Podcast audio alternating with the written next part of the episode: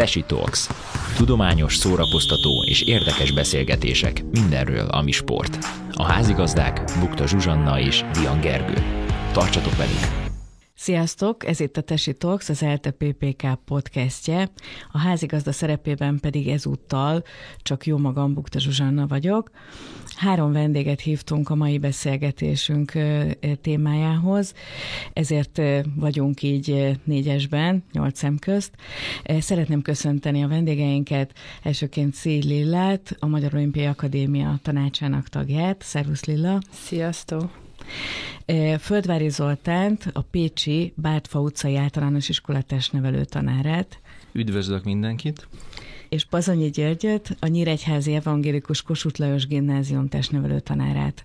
Sziasztok! A mai témánk, ami miatt ugye a testnevelő tanárokat, illetve a Magyar Olimpiai Akadémia két tagját is bevontuk, mert a másik tagja az én vagyok, aki jelen pillanatban vezetem ezt a testületet. Az olimpiai nevelésről, az olimpiai értékekről fogunk beszélni, és azt, hogy ezt az iskolákban, akár az általános, akár a középiskolai korosztálynál hogyan lehet minél hatékonyabban alkalmazni, hogyan lehet a gyerekek számára megmutatni azt, hogy mik is az olimpiai értékek, amire ugye a Magyar Olimpiai Akadémiának is van jelen pillanatban egy programja, nemzetközi anyagokat vettünk át, fordítottunk. Lilla, kérlek, mondd már el röviden, hogy tulajdonképpen mik is azok az olimpiai értékek, hiszen te az egyike voltál az, azoknak, akik ezt a, a Nemzetközi Olimpiai Akadémia által kiadott anyagot magyarították, fordították és, és elsajátították. Leginkább nagyon szorosan összefügg a testneveléssel és a mozgással. Az olimpiai nevelés az tulajdonképpen testneveléshez tartozó szerves része kellene, hogy legyen, vagy reméljük, hogy lesz is. Viszont annyiban más, vagy annyiban több, mint a mozgás és a testnevelés, hogy értékeket ad át a gyermekeknek, és az ókori görög kultúra és filozófia alapján három olimpiai értéket neveztek meg, nevezett meg az a Nemzetközi Olimpiai Bizottság.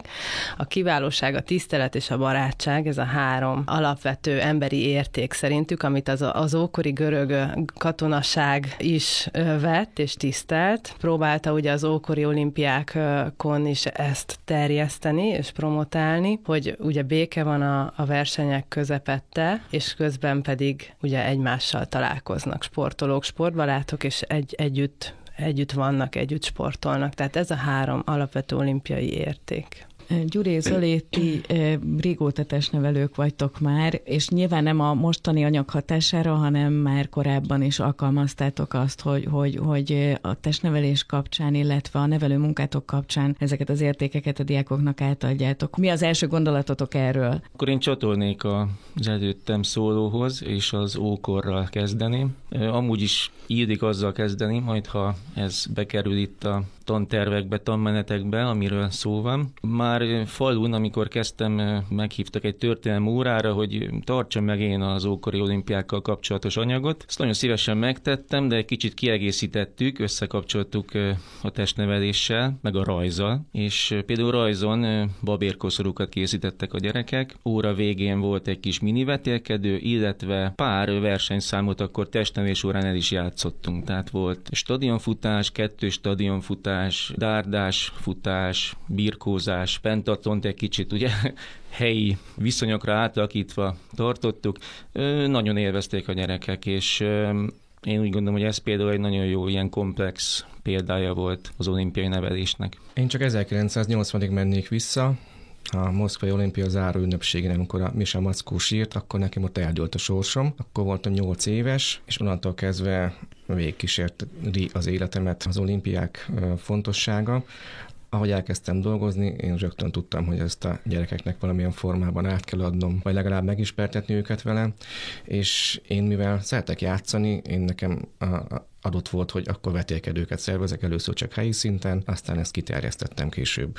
Hát a Misamaciban akkor egyformák vagyunk, mert az életem első nagy traumájaként emlegetik a szüleim. Ezt tudni kell, hogy a Moszkvai olimpiának az erőnepségen a, a szerintem a valaha volt legjobb olimpiai kabala, a Misamaci, egy hatalmas ballonban feleresztették, és hát ugye egy kisgyerek, én egy picit kisebb voltam még, de hát már én is értem, annak, annak ez, ez rettentő dolog volt, hogy akkor felrepül az égbe, és hová repül az a maci, tehát ez nagyon, nagyon absztrakt dolog volt.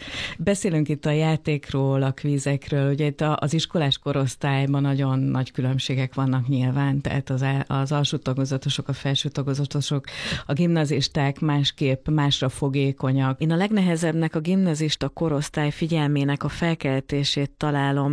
Ti mit gondoltok erről, mik a tapasztalataitok, melyik korosztályt mivel lehet a leginkább megfogni ebben a témában? Igazából igen, az biztos, hogy nyilván a gimnazistákhoz sok tapasztalatom nincsen, viszont az olimpiai nevelés tankönyvben ugye három részre szedi a korosztályokat, és tényleg külön veszi a feladatokat, és azt, hogy hogyan lehet velük játszani, és hogyan lehet őket gondolkodásra bírni ebben a témában, vagy ezekben a témákban. A kicsiknél leginkább én azt vettem észre, meg, meg hát nyilván az is a, a, legfontosabb, hogy minél többet tudjanak játszani, de a játék az valamennyire olyan irányú legyen, amivel az, az alapvető emberi értékeiket meg tudják, el tudják sajátítani, és már úgy mennek akár az iskolába, hogy már a kudarcot tudják, elviselni, örömmel, öröm nekik az, hogyha a másik nyer, és együtt tudnak működni, ugye különböző, később már sokkal bonyolultabb feladatok kapcsán is. Úgyhogy ez, ez mindenképp, de a példakép az már itt is nagyon fontos, és itt is nagyon örülnek. Lehet, hogy még élőben nem látták, mert nem az a korosztály, de ez nagyon jó, hogyha egy olimpiai bajnok vagy olimpikon el tud látogatni. Akkor folytatnám a az általános iskolai résszel. Alsóban például most eszembe jutott, hogy az egyik olimpia előtt csináltunk egy rajzversenyt, ahol egy elképzelt magyar olimpiának a kabaláját kellett elkészíteni a gyerekeknek, és ez például nagyon népszerű volt. Piros paprikától a Rubik kockáig ugye minden előfordult. Olimpiák előtt szoktam én ugye súlyozottan elővenni a témát. Minél kisebbek, ugye annál több mozgással, tevékenységgel szoktam bevezetni. Tehát például, ha a lángot nézzük, ugye, ami itt a remény szimbolizálja, akkor én mindig építek egy pályát, kiírom, hogy Pécs, az egyik végére a cél pedig a az aktuális olimpia helyszíne, és ott feleségem által készített helyi fákjával szoktunk futni egy kört, például ezt nagyon szokták élvezni, vagy aláírják azt a zászlót, amit mondjuk adott esetben a tanárbácsiuk kivisz és a helyszínen szurkol és kiteszi. Ezt is nagyon szokták szeretni. Az öt karikával nagyon sokat foglalkozunk, ugye a színezéstől a rakjuk ki hullahop karikával, műanyag kupakokkal, bármivel, ezt is gyakran csináljuk. Nagyobbaknál ugye már lehet azért bonyolítani, ugranék a legnagyobbakhoz, ott például nagyon népszerű most a kahutos vetélkedő, miután elmondom a szerintem érdemi információkat, akkor mindig visszacsatolásként játszunk egyet. És akkor ott már mindenkinek van sikerélménye. Tehát egytől egyig mindenki szereti, mindenki próbálkozik, és szívesen vesznek részt ezekben. Egy picit csatlakoznék a Lilla gondolatához, hogy én a 80 után 22 évet vártam arra, hogy találkozhassak egy olimpiai bajnokkal. Ez Debrecenben volt, és Sákovics Nédömölki Lídiát volt szerencsém megismerni, és ez szintén óriási hatással volt rám, úgyhogy ahogy visszamentem az iskolába ott a hétvége után dolgozni, akkor én ezt rögtön mondtam a gyerekeknek, hogy, hogy kivel találkoztam. Természetesen nem tudták, hogy ki ő, de, de bemutattam, és, és onnantól kezdve ez mm, odáig faj fajult, hogy úgy mondjam, hogy Ófehérton hemzsegtek az olimpiai bajnokok az előző munkahelyemen. Most akkor Zolihoz is kapcsolódnék. A Kahoot az, az nálunk is megy, és ez nálam a gimiben olyan formában jelentkezett, hogy érettségére készítettem föl 11 végzős diákot, és akkor bejött a, az online oktatás. Hát tesiből, hogy lehet érettségizni online, ugye ez egy érdekes kérdés megint. És akkor Kahoot feladatsorokat gyártottam a 12 érettségi témakörhöz, így többek között olimpia történethez is. Hát azt hiszem, olyan 60-80 kérdést összehoztam nekik, és ezeket csinálgattuk közösen. Úgyhogy ezt ma is nagy élményként emlegetik nekem. És még nálam maradhat egy picit a szó, akkor én összehoznám a, a, az alsósokat, felsőséget, meg középiskolásokat, hogy nekem az előző munkájában ment egy 11 évig tartó nemzetközi vetélkedőm, ami olimpia történetről szólt, és ennek az volt az érdekessége, hogy hatfős csapatok jöttek a felvidékről is, Kárpátaljáról, meg természetesen magyarok, hogy a hat főből kettő alsós volt, kettő felsős és kettő középiskolás. És akkor a, a kicsiknek, az alsósoknak mindig benne voltak az olimpiai a figurák, színesbe kinyomtattuk, és akkor föl kellett ismerni, stb. Legnagyobbaknak mindig a, a, az aktuális olimpia volt, és a, a középső korosztály, hát azt, azt mindig úgy összeválogattam, hogy valami érdekes legyen. Szóval ez egy kuriózum volt, én úgy gondolom az országban, és, és így akkor én összefogtam három korosztályt is. És működött, és tehát a csapaton belüli ö, kohézió, meg az, hogy élvezték azt, hogy, hogy együtt vannak nagyokkal, a nagyok meg azt, hogy kicsikkel. Igen, ez, ez abszolút így van. Voltak szinte állandó csapatok. Nyilván amikor jött az átmenet, akkor egyen feljebb ugrott egy-egy delikvens, de igen, igen, mondhatom, hogy hát a felvidéki kollega nagykapossal mindig hívott, hogy mikor lesz már, mikor csináljuk, és hogy, hogy hagyj jöjjünk. Úgyhogy csupa jó visszajelzést kaptam. Lehet, hogy most ezért ülök itt, mert ezt csináltam 11 évig. Valószínű. Valószínűleg, igen. Ugye a, a, nagyon sokat panaszkodnak arra kollégák, nem csak mindenféle szakos kollégák, meg ugye halljuk a közoktatással kapcsolatos problémákat, hogy nagyon túlterhelt a tananyag, a tanterv. Hova fér be, hogyan lehet megoldani azt, hogy, hogy ilyen tartalmakat halljanak a diákok? Ugye itt a, a nemzetközi kezdeményezés arról szól elsősorban, hogy, hogy általában a, a pedagógiába próbáljuk meg beépíteni az olimpiai értékeket, tehát nincsenek külön tantárgya vagy külön helye, és azt gondolom, hogy nem is feltétlenül szükséges ez, de nyilván vannak olyan tantárgyak, amikhez jobban kapcsolhatók az olimpiai értékekről szóló dolgok. Hova tudjátok ti beilleszteni azzal együtt, hogy, hogy a ti iskolátok az egy speciális helyzetben van ilyen szempontból? Végignézve itt ezt az anyagot, én úgy gondolom, hogy a testnevelés lenne ugye az első, ahova be lehetne illeszteni, most akkor nyilván itt jönnének a negatív hangok, hogy miért kell még egy ilyen üdős, úgymond ugye üdős rész beletenni, ugye a mozgás lenne a legfontosabb, de hát én úgy gondolom, hogy akár egy órán belül is meg lehet oldani, hogy hassunk mind az értelmükre, mind az érzelmükre, mind pedig legyen benne mozgás is. Ezt még jól elő kell készíteni, úgy gondolom, tehát most valaki ezt kézbe veszi egyből, nem, bizt, nem biztos, hogy menni fog, de egy-két év után szerintem nagyon jól össze lehetne hozni. A másik az osztályfőnöki, ahol én azt látom, hogy sokszor már, bár lenne miről beszélni, nem biztos, hogy érdemben töltik ki azt az időt, nyugodtan bele lehet tenni egy-két témát az osztályfőnöki részbe. A másik alsóban a rajz, a művészet mindenképpen Szerintem ezt elbírja, legalább az anyagok felében van művészettel kapcsolatos feladat, szerintem oda is be lehet ezt tenni. Hát nagyon okosan kell csinálni, nem lesz egyszerű. Az etika, az, ugye van, van az etika, amit, ami szintén egy kicsit olyan nehezebben, iskolán kívülieknek nehezebben felfogható, hogy az mit, de, de maga az olimpiai értékek az már magában azt jelenti, hogy ez valamiféle ilyen etikai, morális tartalom. Nem tudom, hogy ott van-e helye. Mindenképpen. Amúgy én belenéztem az etika könyvbe idén is. Én nem tanítom ugyan, de szerintem nagyon jó témák vannak bent. Mindenképp van létjogosultsága a tárgynak. Kapcsol kapcsolódni simán lehet az olimpiai témákhoz. Mindenképp jó lenne. Igazából tényleg ebben az anyagban az a jó, hogy nagyon komplex, az is a nehézsége is, viszont amit el is mondtál az elején, hogy akár csináltatok fákja fut, fákjával futást, akár tényleg, hogyha egy záró ceremóniát, vagy egy nyitó ceremóniát az ember először megmutat egy, egy már megtörténtet, vagy pedig mesél róla, hogy mi az értelme, mi a szimbolikája, nagyon fontos az olimp tehát az olimpiai játékokon a, a, a szimbólumok, azoknak mindnek jelentése van, és ez mind, mind e, ugye az olimpiai értékekre vezethető vissza.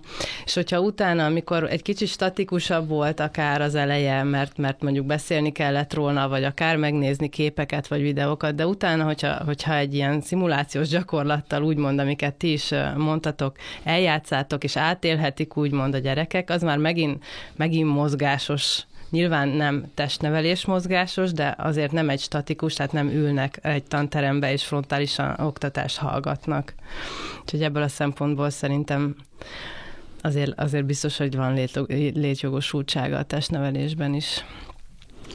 Hát, ha már szóba került a testnevelés, akkor megkerülhetetlen az a kérdés, hogy mit gondoltok a, a mindennapos testnevelésről, mit gondoltok arról, hogy, hogy hogyan tud ez ma megvalósulni a, a mai magyar iskolákban. Nyilván saját iskolátokról tudtok példát, de hát azért biztos, hogy, hogy egy általános képetek is van arról, hogy hogyan zajlik, és hogy nyilván egy, egyfajta ilyen program, amiről mi most beszélünk, ez tud segíteni abban, hogy ha nem lehet mind az öt órát megoldani, csak kizárólag mozgással, másokkal, de mi a helyzet nálatok, mit gondoltok erről? Nagyon-nagyon speciális a helyzet Nyíregyházán, ugyanis van 20 osztályunk, azt nem tudom pontosan hány csoport van testnevelésből, de biztos, hogy több, mert bontva vannak, és az infrastruktúra az, az nem elegendő ahhoz, hogy ezeket a csoportokat el tudjuk helyezni. Úgyhogy maga az alapgondolat, hogy mindennapos testnevelés, ez teljesen korrekt és jó, nálunk nem lehet kivitelezni. Úgyhogy mi egy órát már a tavalyi tanévben is beáldoztunk, és akkor termekbe ültek a, a gyerekek. Ezt minden kollega saját belátása szerint oldotta meg. A legtöbbjük, én úgy gondolom, hogy sporttémájú filmeket néztek, úgy, mint Jégveled, Ediasas, stb. Tavaly én még nem tartottam ilyet, de most, amikor jött a megkeresés, akkor természetesen vállaltam, és akkor nálunk ez úgy néz ki, hogy én hét osztályban tanítom akkor, és én ezt olimpia történet órának hívom a testnevelésen belül. Beülünk egy terembe, és én igyekszem a, az instrukciók alapján tartani az órákat. Természetesen vannak benne saját ötletek is, bár még csak két órát tartottam minden osztályba, úgyhogy még olyan túl sok mindenről nem tudok beszámolni. De ha Zolira nézek, és a, a magyarok pólót meglátom rajta, akkor az ugrik be rögtön, hogy a, a magyarok YouTube csatornán van egy olyan 6 és fél 7 perces videó, hogy libabőrös magyar Igen. győzelmek az olimpiákon, és ez olyan jó volt, mind a hét osztályban, amikor ezt bekapcsoltam, akkor elcsendesedett mindenki, és hát azt nem mondom, hogy szájtát van, mert ők már nagyok, de síri csendben nézte mindenki. Én is hihetetlen érzés volt, hihetetlen érzés volt, nagyon-nagyon jó volt. Igyekszem majd még ilyeneket keresni, és akkor ö, gyerekeknek megmutatni. Vannak ötleteim. Két dolog jutott most eszembe, még visszacsatolva, hogy hova lehetne még elhelyezni. Ugye a dráma is elég fontos, én úgy néztem itt ebben az anyagban. Én például, amikor először jutottam el oda osztályfőnökként, hogy nekünk kellett az 56-os műsort ugye az iskolában előadni, akkor összehoztam egy olyat, ami később nagyon népszerű lett, már nem az enyém, de a téma, hogy ugye a 56 az nyilván ugye ott a Melbourne olimpia előtt kicsit megkeverte a kártyákat. Így Gyarmati Dezső és Széke Éva volt a főszereplője a kis előadásunknak. Párhuzamosan mentek ugye a forradalmi események, illetve a, a sportban, hogy most akkor a csapatvezető mit mond, az például nagyon érdekes volt, hogyan bíztatta sportolóinkat, és akkor végül is ugye volt, aki kijutott, volt, aki nem. Ezt nagyon szerették a gyerekek, nem csak osztályfőnökén, testnevelés órán is próbáltuk, de akkor azt hiszem ez így lehet, hogy többet ért mint adott esetben egy 5 perces lépcsőzés a folyosón mondjuk, mert csak arra volt idő. A infrastruktúráról, hát a kinti lehetőségeink jók, a benti lehetőségeinkről nehéz lenne pozitívan nyilatkozni, úgyhogy nagyon nehéz. A téli időszakban mi is sokszor bekényszerülünk a tanterembe, vagy marad a társadalmi munka, egy kis levélsöpréssel, de azt egyébként nagyon szeretik a gyerekek, tehát erre már megtanítottuk őket, hogy ez milyen fontos. Vagy egy kis túra a közelben, vagy ahogy Gyuriék, akkor én is előveszem a sporttal, illetve az olimpiával kapcsolatos anyagaimat, és azokat nézzük. És itt a libabőrös győzelmekről eszembe jutott, hogy itt a téli olimpia előtt is felhívtam a figyelmet egy-két dologra. Egy ilyen három órás blokkot csináltam a suliban. Volt egy önmagában a téli sportokra egy óra, a végén egy vetélkedő.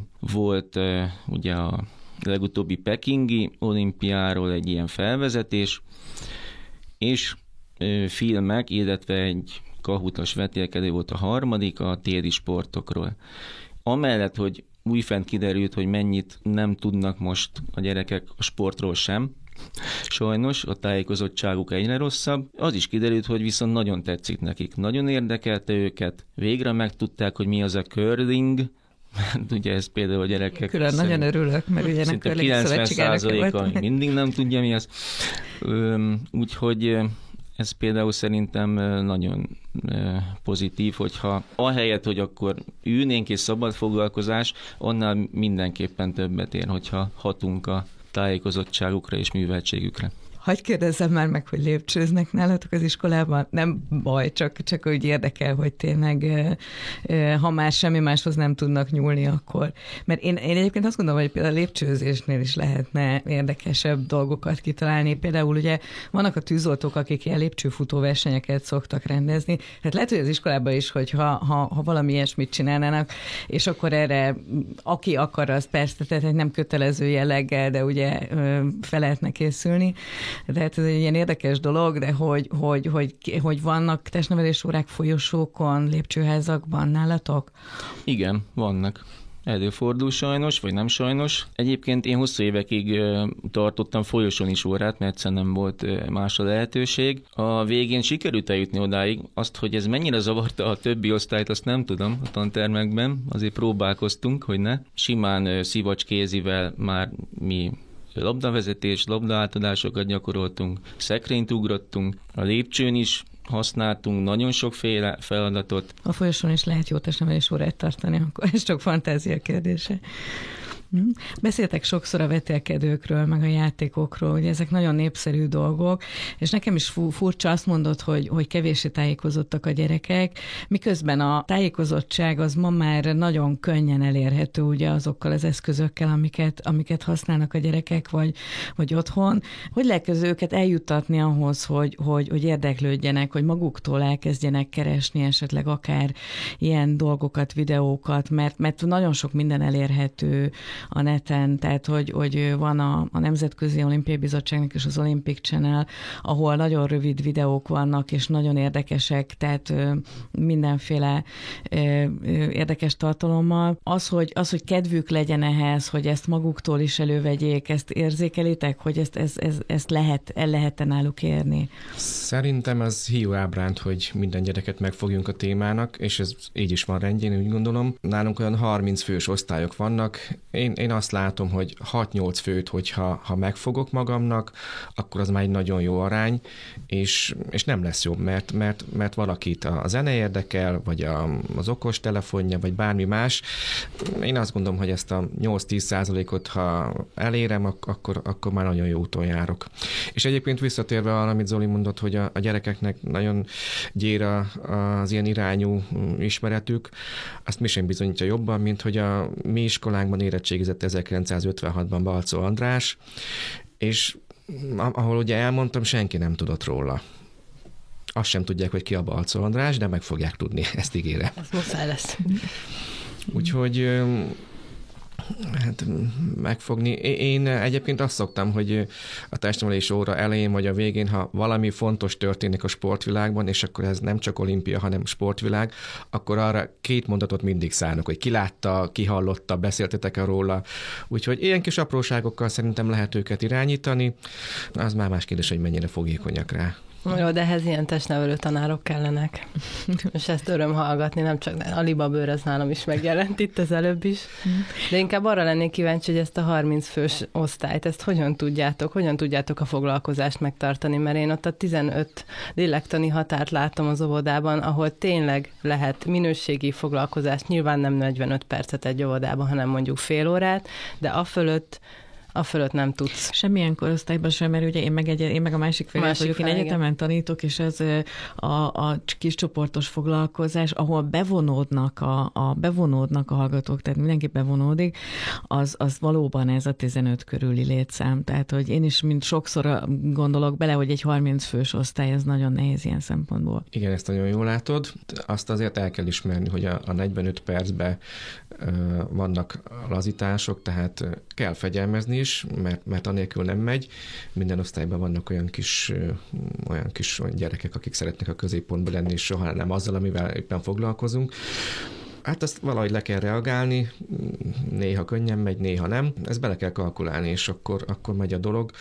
Egyébként egy picit úgy én is megértem, most még jöttem a vonaton, gondolkodtam rajta, hogy azért nekem 36 hetet végig kell csinálnom ebben a hét osztályban úgy, hogy, hogy az olimpiai nevelésről beszéljek. És megijedtem meg, mondom őszintén, de hát mondom, vannak ötleteim, és akkor remélem, hogy, hogy azokra vevők lesznek a gyerekek.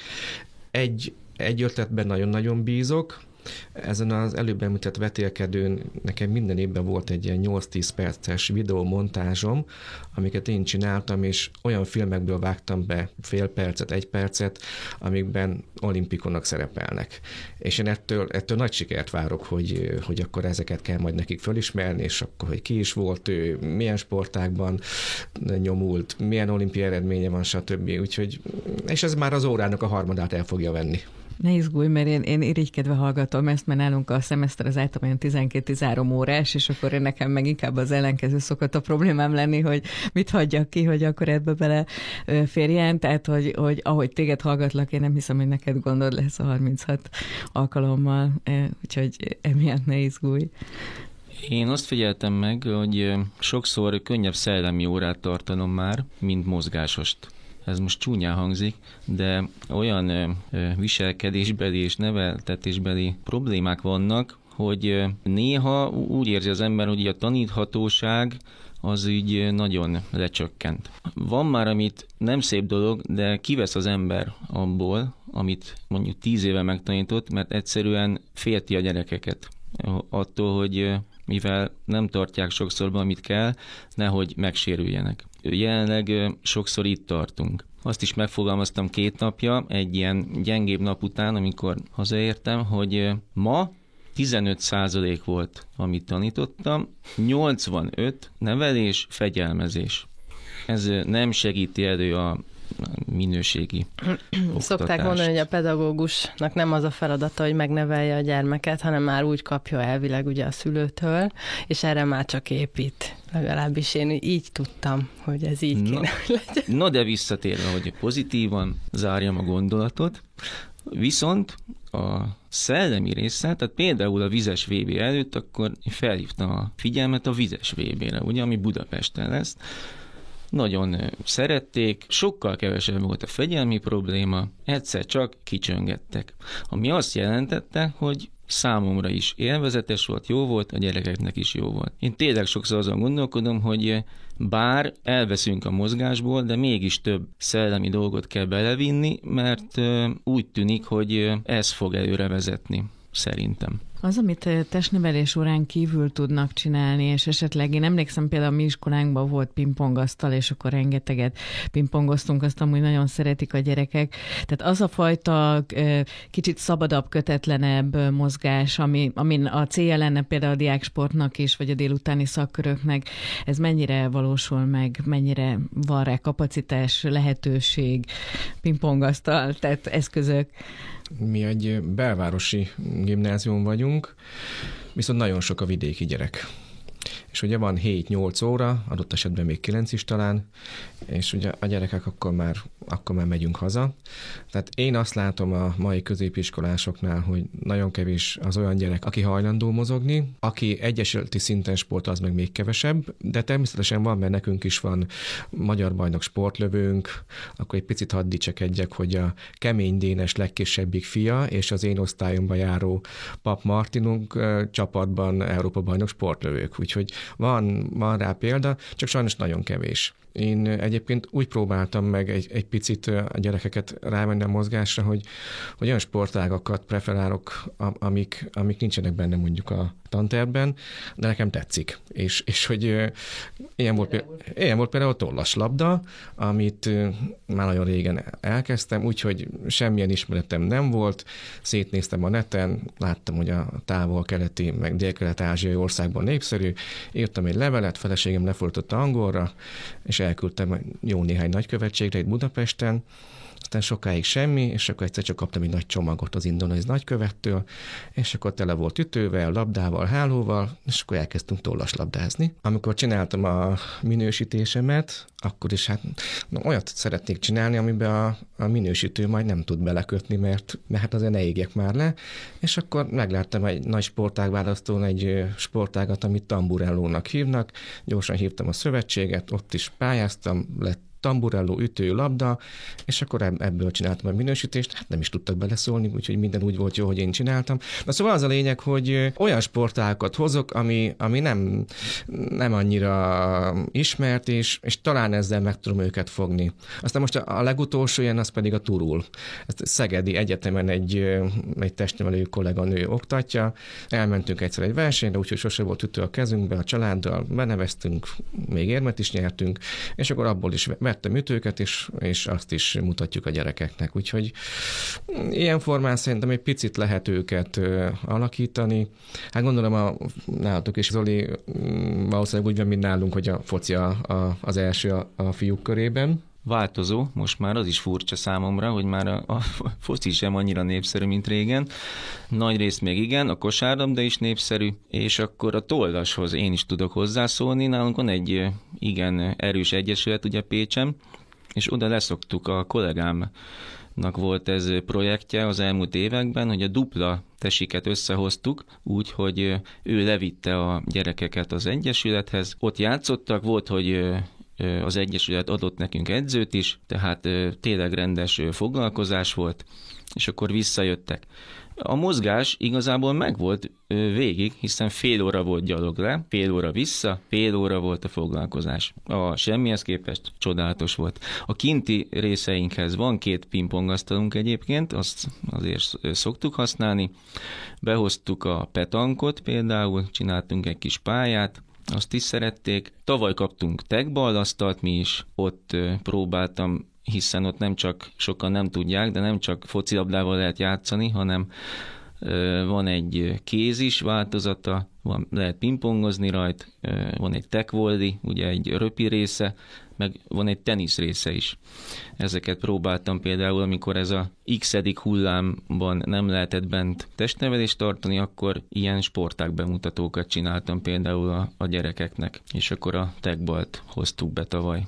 Itt egyébként az új sportágaknak a bevezetése szerintem érzelmileg azért is nagyon jó, mert ugye mindenki nulláról kezdi, mindenkinek ugyanannyi esélye van megismerni, ez itt a tanári kézikönyvben is azért benne van, hogy, hogy ebben a korosztályban azért a szégyenérzet, a tökéletességre való törekvés, azt ők máshogy értelmezik, mint ahogy azt kellene, hogy a saját határaimat próbálom feszegetni, és nem kifejezetten az, hogy most teljesen első legyek, és mindenben a legjobb. És szerintem valószínűleg ezért is fogékony hatékonyabbak a gyerekek az új sport vagy sporták kipróbálására, mert ott, ott mindenkinek egyenlő esélye van a legelején, és akkor beleadhatják, amit, amit tudnak. Egy picit még, ha megengeditek azzal kapcsolatban, hogy a klasszikus testnevelés óra, illetve a, tanteremben eltöltendő, és akkor én olimpia történető órának hívom.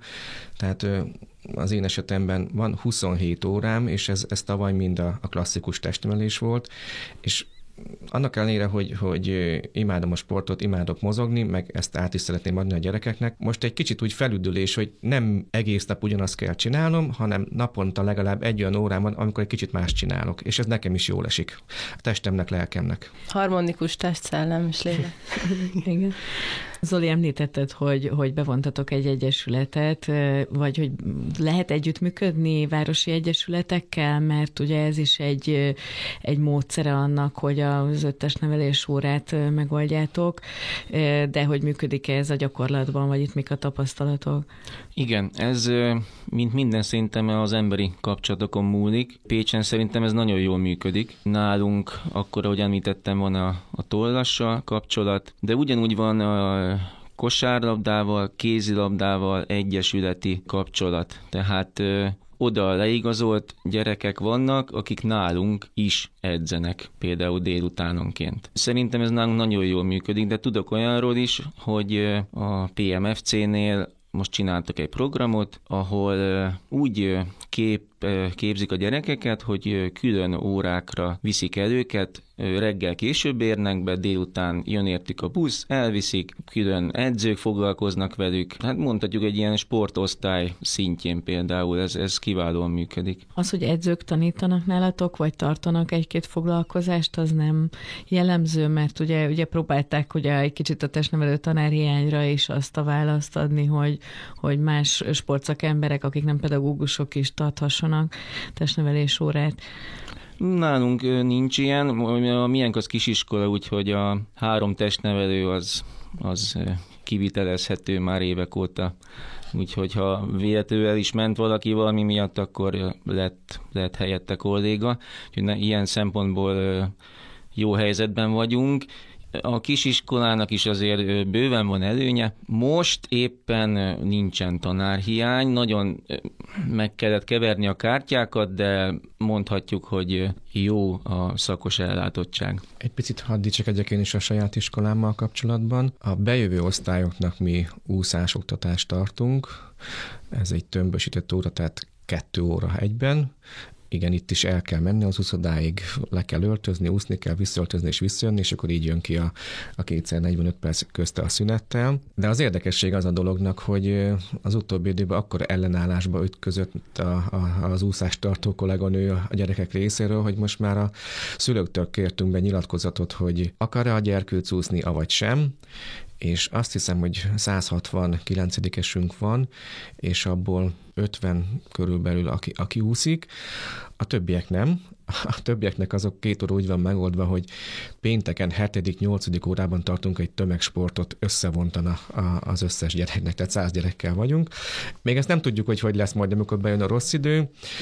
Egyelőre kóstolgatjuk egymást, és csináljuk. Illetve van még egy érdekes profilja az iskolánknak, hogy a heti öttes nevelés órából egy az tánc és így az a kedvező lehetősége van a, a nálunk tanulóknak, hogy, hogy a, a szalagavatóra ezeken a táncórákon fölkészítik őket, ingyen és bérmentve, és a szalagavató is az iskolánkban van, van egy szép dísztermünk, úgyhogy ez, ez egy nagyon jó megoldás mindenkinek, és ez egyébként már most a héten meg is lesznek a szalagavatók, ma és holnap, úgyhogy ebben a városban mi vagyunk az elsők, és azért, hogy a végzősök szeptember végére teljesen készen legyenek, ezért a 11-eseknek meg kettő táncórájuk is van egy héten.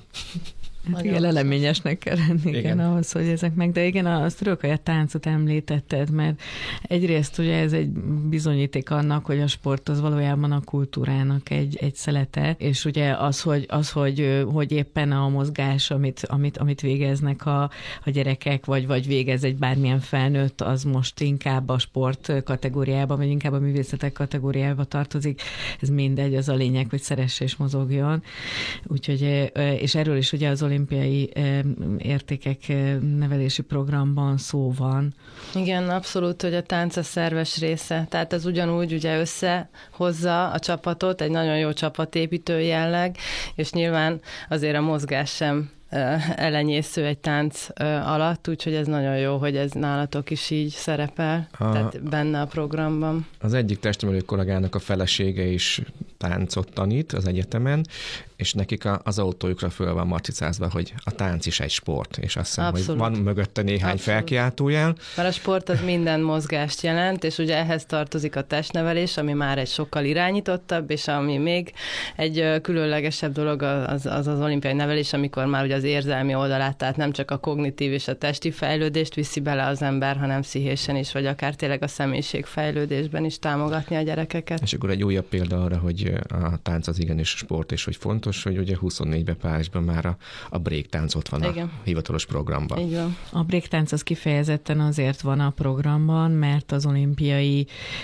mozgalom is küzd azzal a problémával, hogy a fiatalokat hogy tudja bevonni, akár nézőként, fogyasztóként, akár bármilyen érdeklődőként, hiszen a, az olimpiai sportágak egy része olyan, amit, amit kicsit azért ugye avittasabb, elavultabb, kevésbé médiaképes, és ugye ezért keresik ezeket a sportágakat, mint például a breaktánc, ami, ami érdekli a fiatalokat. Az meg, hogy az iskolába próbáltok ilyen kreatív dolgokat bevinni, az nekem nagyon tetszik, mert és azt gondolom, hogy ez lehet a kitörési pont. Egyrészt abból a kötöttségből, hogy na akkor hány tornatermünk van, hány olyan helységünk van, ahol lehet valamit csinálni, mert ugye ezzel szinte minden iskola küzd. Tehát szerintem olyan iskola, amelyik mindennapos testnevelést öt tanítási órában a helyszínen, hogy nem kell kimenni sehova, úgy meg tud oldani, szerintem minimális lehet az összes magyar iskolából, és, és például mi egy másik podcastben beszélgettünk éppen az egyetemi testnevelésről, meg az egyetemi sportról, hogy ott mit lehet csinálni, ott se lehet megcsinálni ugye a kötelezőt, mert vagy nagyon nehéz a kötelezőt megcsinálni, mert ott is főleg a létesítmény, meg a humán erőforrás gondok azok jelen vannak, de, de ott is szóba került egyébként pont a tamburello, hogy, hogy milyen élvezetes, és hogy mennyire szeretik az egyetemi diákok is. A, a cheerleading például nálunk az LTN vagy a, a táncnak a különböző formái, de például az eltén kifejezetten nagy hagyománya van a kviddicselésnek is, és egyébként tényleg egy, egy, egy viszonylag élvezetes csapatsport, igen. Tehát seprűkkel játszák nálunk a, a minden golyatábor azzal kezdődik, hogy mindenkinek kviddicselnie kell, és, és, és szerintem ez, ez, ez, nagyon jó. ez nagyon jó módszer arra, hogy, hogy megfogjuk a gyerekeket. Néhány éve elvégeztem egy akreditált továbbképzést, és eh, ez a Ultimate Frisbee volt, és ott az előadó azt mondta, hogy 10 millió ember űzi a, a világon ezt a sportágat, és ebből 6, 6 millió van az USA-ban. Úgyhogy azt, azzal fejezte be a gondolatmenetet, hogy a 28-as Los Angeles-i játékokon nagy valószínűséggel ott lesz a frisbee. Úgy legyen. Így van. Valószínű, a, mind a jiu-jitsu is. Most Igen. a gyerekeim példáján keresztül tudom mondani, azt is szeretnék behozni, és itt van a cheerleading, mert a lányom meg azt tűzi, az pedig ugye olimpiai, teljes új olimpiai sportág lett most már, azt nem tudjuk még mikor lesz, de talán még egy szó róla, mert ugye mindenki azt hiszi, hogy ott szép lányok pompommal ugrálnak balra-jobbra, és azért ez egy jóval komolyabb sportág, ilyen két és fél-három órás edzései vannak a lányomnak. Erőfejlesztés, ugye az emelésekhez a táncrész, illetve a balett rész, azt is, azt is szoktam kérni, hogy Igen. ha is szóba kerül, mert mindenki ilyen furcsán néz először, hogy ja, mert biztos szép, hát ugye ez is nézőpont kérdése, kinek mi a szép, de ez is egy, egy nagyon munkás, komoly sport. Igen, most nekünk éppen az egyik kolléganőnk írt erről egy könyvet, hogy bemutassa, hogy tulajdonképpen miről szól a, a cheerleading, és tényleg a, a, nem csak az Egyesült Államokban, hanem Európában is nagyon népszerű ez lenne. Egy akrobatikus torna és erőelemeket bemutató, nagyon komplex sportág egyébként a cheerleading, úgyhogy, úgyhogy nem, nem kell meglepődni, azzal is találkozunk a, az olimpiákon. Én a diáksportról szeretnének még benneteket kérdezni, hogy annak is volt egy évtizedeken keresztüli ilyen nagyon központosítottan szervezett rendszere, és, és ugye ez is nagyon sokban átalakult, többek között például az, hogy ugye nem kötelező, tehát hogy ezt a kötelező jellegét ugye nyilván rendszerváltás után elveszítette, hogy, hogy milyen kedv van a, a diáksportra, a diáksport versenyeken való részvételre, mit, mit láttok ebben, és, és hogy, hogy értékelitek. Egy kicsit én olyan tapasztalatokat is hallottam, hogy, hogy ugye az, a mindennapos testnevelés neveléssel ugye a, a diáksportnak a megszervezése már, már még nehezebbé vált, tehát hogy az a klasszikus délutáni diáksport az nem nagyon ö, tud mellette működni, vagy nehezen működik. Mit, milyen tendenciákat látok ebben? Ha most a diák olimpiai versenyekre is gondolunk, gondolunk? Gondolunk azokra is, Jó. igen, mert, mert ugye Akkor... azt, azt most tudni kell, hogy a Diák Olimpia az ugye olyan nagyobb sportágakban lett ez a fajta Diáksportszövetség által szervezett Diák Olimpia, ahol ugye van elegendő induló, és akkor ez egy ilyen brandként van, de ugye ez az egyik fő Akkor én erről szeretnék egy picit beszélni, mert éppen tegnap voltam Diák Olimpián atlétika ügyességi csapatbajnokság, megvolt, Viszont a, országos kiírásban azt, azt láttuk, meglepődve, hogy tavasszal már nem lesz egyéni, bajnok, egyéni pályabajnokság se általános iskolában, se középiskolában, és Isten igazából nem tudom rá magyarázatot. Beszélgettünk ott kollégákkal, senki nem tudja, hogy miért.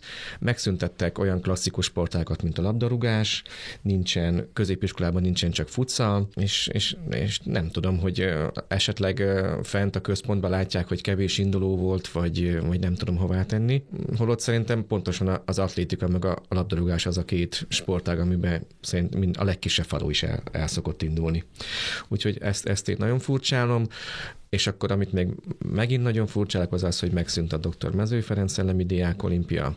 Ez már a tavalyi tanévben sem volt. Szerintem egy nagyon jó kezdeményezés, és a témánkhoz meg szorosan kapcsolódik. Tulajdonképpen én erre sem tudom a választ, hogy ez, ez miért történt így. És akkor a, a másik része a dolognak a, a délutáni e, diáksportos, tömegsportos összejövetelek. Én már egy picit kitértem néhány mondat erejéig, hogy, hogy a, a középiskolások, nagyon sok az órájuk, sietnek haza, vidékre, és, és nagyon-nagyon kevés gyerek van, aki, aki szeretne maradni. Nálunk van egy labdarúgó szakkör, röplabda, ebből a kettőből lehet választani. Kevés gyerek van, összességében ezt tudom mondani. Kezdjük a Diák Olimpiával. Válaszolok a kérdésedre. Én voltam évelején a Pécsen a testnevelő tanárok gyűlésén, itt volt egy MDS-es kolléga is, és ő azt mondta, amit ma mindenki mond, ugye az anyagiakra hivatkozva szüntettek meg több versenyt, az előző évben még több volt a büdzsé, most kevesebb. A másik ok, ami lenni szokott, amit így mindig mondanak, hogy az indulók száma, ahol csökkent, ugye itt tehát két éve itt erre hivatkoztak a Szellemi Diák Olimpiánál, idén a pénzre hivatkoztak a Szellemi Diák Olimpiánál például. Most majdnem elfelejtettem az egyik legfontosabb profilunkat, mert annyira természetes már nálunk, hogy az a idézőjelben balszerencsés helyzetünk volt, hogy egy teniszklub volt az iskola fölött régen. A teniszklub ugyan megszűnt, viszont egy pálya ott maradt, amit amíg volt a klub is használhattunk, hogy még egy korábbi kérdésre is visszatérjek, és az most szerencsére, mivel az egyik kollégám teniszedző is, igen jól ki van használva, úgyhogy amíg az idő engedi, nálunk konkrétan vannak teniszórák is heti rendszerességgel, hogyha megoldható, akkor kettő önmagában teniszút. Ugye téli időszak az, ami problémás. Ö, labdarúgás, kosárlabda, kézilabda, amire tudnak jönni a gyerekek. Judo is van például, de egyre kisebb a létszám, főleg felsőben. Mivel minden tendencia egyszer megáll és visszafordul, majd bízom benne, hogy ez is egyszer majd visszafordul, mert azért elfogyni csak nem fognak a gyerekek végleg. A versenyeken a létszámok pedig egyszerű dolgot mondok. Pécsváros atlétika, első korcsoport, mi megrendezzük, illetve az ottani emberkéink pluszban megrendezik, mert ugye ez nem diákolimpiai versenyszám, csak második korcsoporttól van. Kiírták a versenyt, jelentkezünk. Edzünk rá, kicsit kiválasztjuk a gyerekeket, megszervezzük a leutazást a pályára, két nappal a verseny előtt, mivel csak két induló van, tehát hangsúlyozom, Pécs városában, két csapat nevezett erre összesen, nem rendezzük meg a versenyt. Két nap múlva újra kiírtuk a versenyt, hát ha lesz még jelentkező. Hat csapat lett végül, újra mindent megszerveztünk, lementünk, és részt vettünk a versenyen, de ezt, ezt tragikusnak találom, hogy, hogy ennyi a résztvevő. Vagy mi például mindig fényesen szerepelünk a pingpong alsós korcsoportban, mert igazából az elmúlt tíz évet nézve még soha nem volt két csapatnál több. Ami, Ez garantált ezüstére. Ami egy, most megint furcsa hangzik, és ö, olyan érzés kelt az emberben, hogy hát jó van, csak oda kell menni. Hát bizonyos szempontból igen, de nyilván akkor megyek oda, hogyha előtte foglalkoztam a gyerekekkel, de most azért csak azért nem fogok oda menni, hogy érmet akasszanak a nyakukba, úgyhogy hát ez, ez nagyon szomorú, ami minden sportágban van. Labdarúgás talán az még, ami a harmadik korcsoport, ami, ami mondjuk olyan, mint tíz éve, ők az ötödik, hatodikosok. Uh-huh. Az összes többi, tehát mondjuk a röplabdában van három csapat mondjuk, aki elindul. Picit reagálnék arra a dologra, hogy kevés induló, meg, meg pénzhiány, ezek érthető dolgok, de mondjuk az atlétika, amit én imádok, azt egyszer nem tudom elfogadni, hogy nem csinálnak pálya versenyt, egyéni versenyt, mégpedig azért nem, mert hogy egy kis faluból is előtörhet egy olyan tehetség, aki csak egy számban jó, de, de abban abba nagyon. Nekem is volt ilyen gyerekem, és a, a csapatversenyt azt meghagyták, de ugye az csak általános iskolásoknak van. Szerintem a, ugye ott öt vagy hat embernek kell alkotni egy csapatot, ott, ott nem fog kijönni egy olyan eredmény, tehát hogy, hogy tud dobni, ugrani, meg hajtani is. Szerintem ez szakmailag ez egy elhibázott döntés, és akkor még egy dolog, hogy am, amit én látok, hogy nagyon népszerű, és ebbe talán a mi iskolánkban is van jó néhány gyerek, aki részt vesz, ez pedig a ezek olyan amatőr terep és terepakadályfutások. Oda én is rendszeresen járok.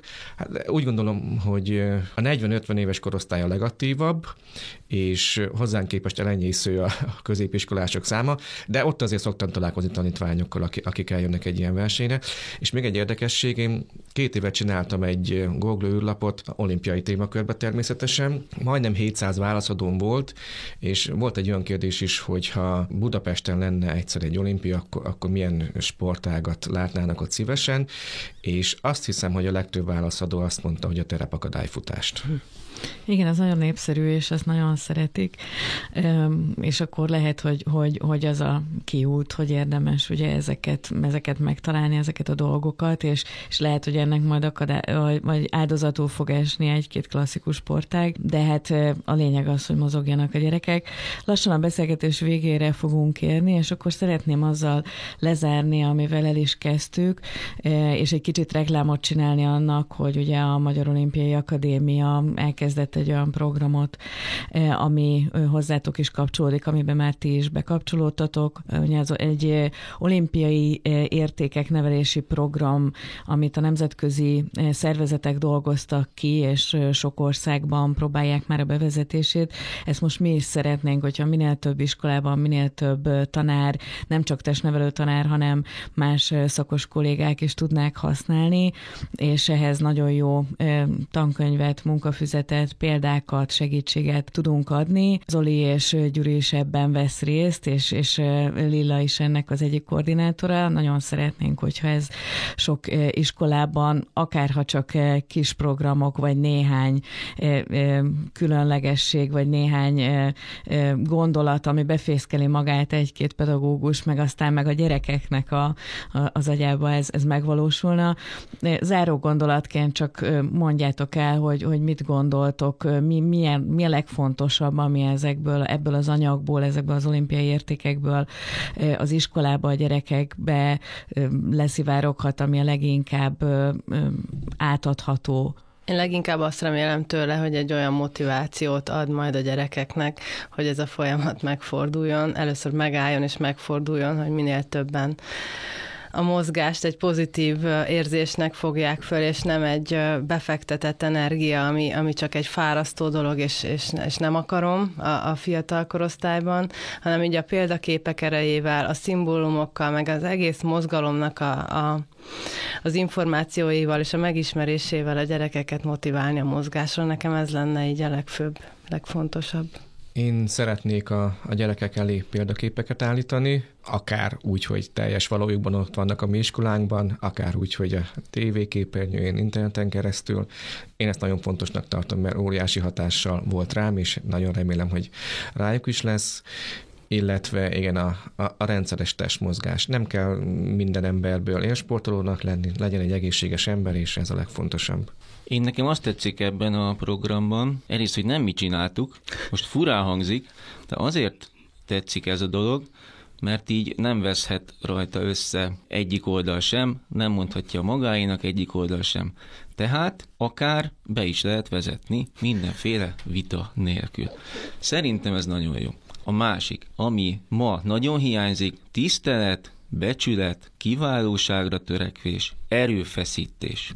És annak az öröme, az nem És rossz. annak az öröme. Hát ez az, amit egyre kevesebben, mind felnőttek, mind diákok ismerünk, úgyhogy én ezeket szeretném mindenképpen, hogy ezekben erősödjenek a gyerekek, és csak egyetlen egy témát, ha kiveszek, Konkoly Zsófia, például mi diákunk volt, büszkén emlegetjük azóta, és oda járt hozzánk, 2016-ban végzett pont még a Riói paralimpia előtt. Minden évben megtartjuk a február 22-én a paralimpiai napot, és ezzel kapcsolatban nagyon sok mind szellemi, mind fizikai dolgot tartunk.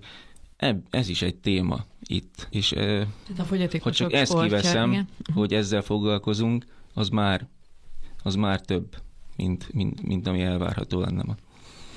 Igen, azt gondolom, hogy ez az elfogadás és ez a fajta üzenet, ez is nagyon-nagyon fontos, és ez is benne van az olimpiai értékekben, és azért szeretnénk nagyon, hogy ez a program sikeres legyen, és jusson el minél több helyre, mert, mert a mai világban is nagyon szeretik ugye a negatívumokat felhozni. Az olimpiával kapcsolatban is föl lehet nagyon sok mindent hozni, hiszen főleg ugye a sport mai állása, már mi is itt emlegettünk olyan dolgokat, hogy klasszikus sportágak hanyatlóban vannak, vagy csökken az érdeklődés, és ezen szomorkodhatunk, de, de nagyon fontos, hogy, hogy, hogy a pozitívumot próbáljuk meg kihozni, és azért ezek az állandó értékek, amik az olimpia körül kialakultak, ezek, ezek nem fognak változni, és ezek, ezek mindenkorban nagyon fontosak lesznek, és nagyon szeretnénk, hogyha az olimpiának ezt a jó arcát, mert igazából ez a, az olimpiai akadémia ez a jó arca, és én is, én is azért csinálom lelkesen, és, és szeretném, hogyha ha ez, ezt minél többen megismernék, mert ez az olimpiának valóban az állandó jó arca, amit meg tudunk mutatni.